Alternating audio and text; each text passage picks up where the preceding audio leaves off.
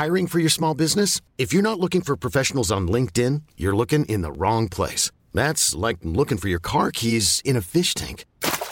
LinkedIn helps you hire professionals you can't find anywhere else, even those who aren't actively searching for a new job but might be open to the perfect role. In a given month, over 70% of LinkedIn users don't even visit other leading job sites. So start looking in the right place. With LinkedIn, you can hire professionals like a professional. Post your free job on linkedin.com slash achieve today.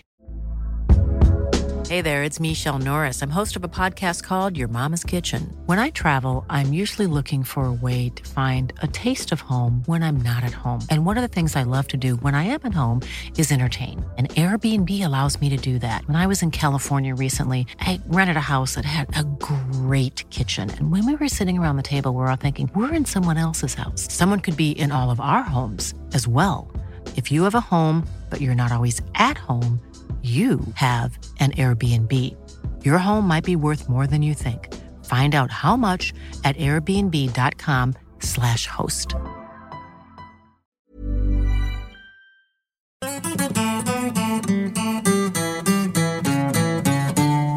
Då säger jag så här, välkommen eh, in i framtiden Simon. Eh, från eh, AIK Historia kan man säga. AIK Historia, mannen. Tack så mycket. Varsågod. Vad nu framtiden innebär. Nej men det är nu. Okej. Nu är ju framtiden för dig. Samtiden du, kanske. du har ju båda fötterna och näsan i historiska myllan. Där AIK har blommat sedan 1891 i olika formationer. Blommat upp, vissnat ibland, blommat stort och fint. Med, med humlor och sånt eller? Jag tycker, att, jag tycker att det här är så himla bra Martin. Mm. Kan jag Man ber på lite mer. Nej, kör nu. Blommor. Simon, vad har du, vad har du att lära ut om AIKs eh, historia? Eh, Jag tänkte prata om en av de största någonsin faktiskt. Oj! Och det är eh, ingen mindre än eh, Garvis Karlsson. Questa è la storia di uno di noi. Anche lui nato per caso in via Gluck. In una casa För att ta det från början så är han född i Falköping eh, den 29 oktober 1917. Och eh, han hann med att avverka två klubbar i hemstaden. Det var IK Göta och Falköpings GIS. Och eh, han försökte också på sig en, eh, försökte på en parallell karriär som brottare. Men eh, han valde i alla fall till slut att satsa helhjärtat på fotbollen. Och då flyttade han till AIK 1939. Mm. Eh, och vår dåvarande talangscout hette Moje Brick. Och eh, han fick upp ögonen för Garvis. Och det visade sig väldigt snabbt vara ett väldigt bra köp. Eftersom att han eh, ja, gjorde mål eh, två gånger om i sin första allsvenska match mot Sandviken. Och 1940, året, ett, året efter, så gick det lite sämre. Han hamnade i reservlaget. Men redan samma höst så lyckades han ja, få grepp om sin formkurva. Och det här utmynnade då i en av de främsta karriärerna i svensk fotbollshistoria. Eh, även på internationell nivå. Och eh, han spelade fram till eh, 1949 i AIK. Han hann med 192 matcher i Allsvenskan och eh, på de här matcherna lyckades han eh, få in f- 97 mål.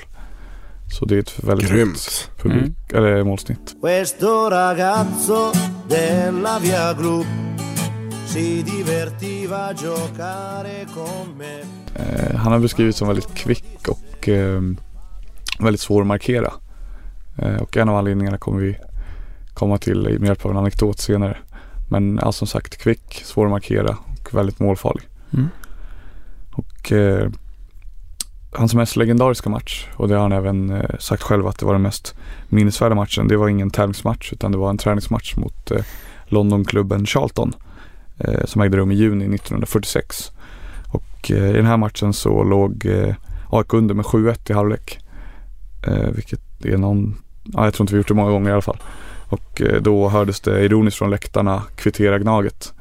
Eh, I Det var bra halvtid. då. humor redan då alltså. Ja, det var tidigt spex. Mm. Eh, men sen så hände någonting och, eh, framförallt Garvis var inblandad. Och med två minuter kvar av matchen så var vi uppe på 7-5. Eh, och sen så på något magiskt vis så lyckades man kvittera då till 7-7 innan slutsignalen ljöd. Garvis alltså, han debuterade i eh, landslaget 1941. Eh, och och då mötte vi Danmark på Råsunda. Oj, det var väl det året de blev invaderade? Eller var det 42? När var det Danmark blev ockuperad av Tyskland? Det var väl typ 41, mitt 42. historiasegment. Men jag minns inte. 42 kanske? Men det måste ha varit en väldigt speciell match tänker jag. Ja, han visade än en gång att han är väldigt vass som debutant. För eh, även här så blev det mål i debuten. Och eh, sen i följande landskamp som var mot Tyskland så svarade han för ett hattrick i sin andra landskamp. Så fyra mål på två matcher i begynnelsen där. Och totalt för honom så blev det 26 matcher i blågult och eh, så var han också med i laget som vann OS-guldet 1948. Eh, så han var väldigt stor i landslaget. Och det märktes väldigt tydligt i, det finns en spelfilm som heter I gult och blått som regisserades av en AIK-supporter som hette Elof Arle. Och då kretsade hela handlingen och filmen om eh, ja, svensk fotboll helt enkelt. Och då brukade publiken skandera passa Garvis även när Sverige spelade. Alltså som när landslaget spelade helt enkelt. Mm. Och eh, ja, på tal om landslaget då så kanske den bästa historien som jag var inne på tidigare. Det var när eh, kung Gustav V skulle, som man gjorde på den tiden då, hälsa på hela landslaget före en landskamp mot Tyskland på Råsunda. Och då blev han presenterad för Garvis. Och så konstaterade kungen då, jaså, det här är Garvis. och då svarade han, ja ers majestät, eh, svarade ledaren Gurra Karlsson då. Och då sa kungen då efter det här, men stig upp ur gropen Garvis och var inte blyg, sa monarken då. Och då fick, eh, ja som slutreplik Garvis svara, det fanns ingen grop i Ers Majestät, för han var bara 1,63 lång. Så han var helt enkelt bara kort. Så ja, en speciell eh, historia om en speciell spelare. Mm. Och, eh, han värvades faktiskt eh, hösten 1948 eh, på lån till Frankrike. Och eh, om jag minns rätt så tror jag det berodde på att hans eh, chef på hans jobb utanför fotbollen hade varit på någon affärsresa i Frankrike och då hade kommit i kontakt med eh, Stade Français, eller hur man uttalar det. Stade de France. Ja, något sånt där. Eh, som ja, på den här tiden låg, ja när de var i kontakt låg de sist i franska högsta ligan men de var i bottenklubb i alla fall. Men eh, ja, han åkte dit när allsvenskan hade uppehåll och spelade då eh, officiellt som amatör. Men jag vet inte exakt hur deras avtal såg ut. Han fick kanske några vinpavor och lite ost. Några backar läsk. Ja, någon basker. Mm, något sånt där. Och eh, ja, det visade sig, all, visade sig vara ett väldigt eh, lyckat samarbete. För eh, efter att han kom då så spelade de eh, 12 matcher där i bottenlaget och han med 10 segrar på det och slutade som ett stabilt mittenlag. Mm. Och eh, sen eh, tog han en sväng tillbaka i AIK. Eh, men det blev inte så länge utan redan där till sommaren 49 så kom den stora chansen. Och eh, Atletico Madrid la ett bud. Och eh, efter att ja, helt enkelt frågat efter råd och pratat med eh, Gunnar Nordahl om hela tillvaron som fotbollsproffs i Sydeuropa så bestämde sig Garvis då för att ta sitt livs chans. Och eh, han fick inte ångra det på något sätt utan han klarade klivet väldigt bra och så blev han en av de stora stjärnorna i Atletico Madrid som vann ligaguldet både 1950 och 51. Så det är inte så många, Stort.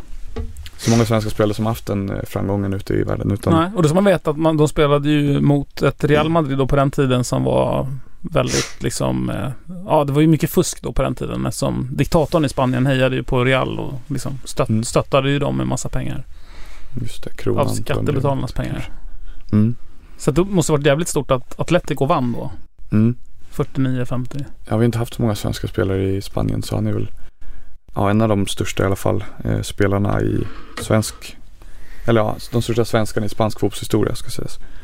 Och även idag så är han, eller än idag så är han en legend i Atletico. Finns att läsa en del på nätet om Ja, det. spännande. Mm. Och eh, ja, som du frågade om tidigare så hans största styrkor har vi nämnt men han beskrivs som väldigt kvick och just för att han var så pass kort och liten antar jag så var han väl extra svår att markera. 1,63 är väl typ som Även om vi har någon spelare som går att jämföra med det riktigt idag. Hur stor är Messi? Han är väl typ så? Han är väl ungefär så lång ja. Ja. Mm. Jo men i AIK tänkte jag men Vår, Ja, ja, precis. och, få, och får är ju rätt kort och Blomberg är rätt kort. De är över 1,70 båda två tror jag. Mm. Jo, men absolut.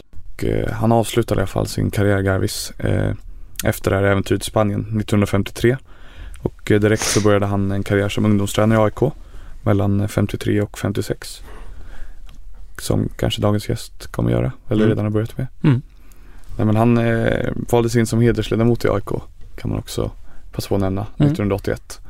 Och sen så dog han den 28 maj 1999 i Solna. Och han fick uppleva både guld och eh, början på Champions League innan han dog. Mm. Mm. Vad fint. I Solna också hemma. Mm. Mm.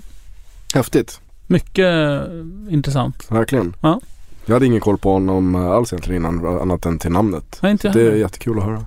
Han var ju med i Rosendags legender tifot Mm. också. Mm. En av de herrarna.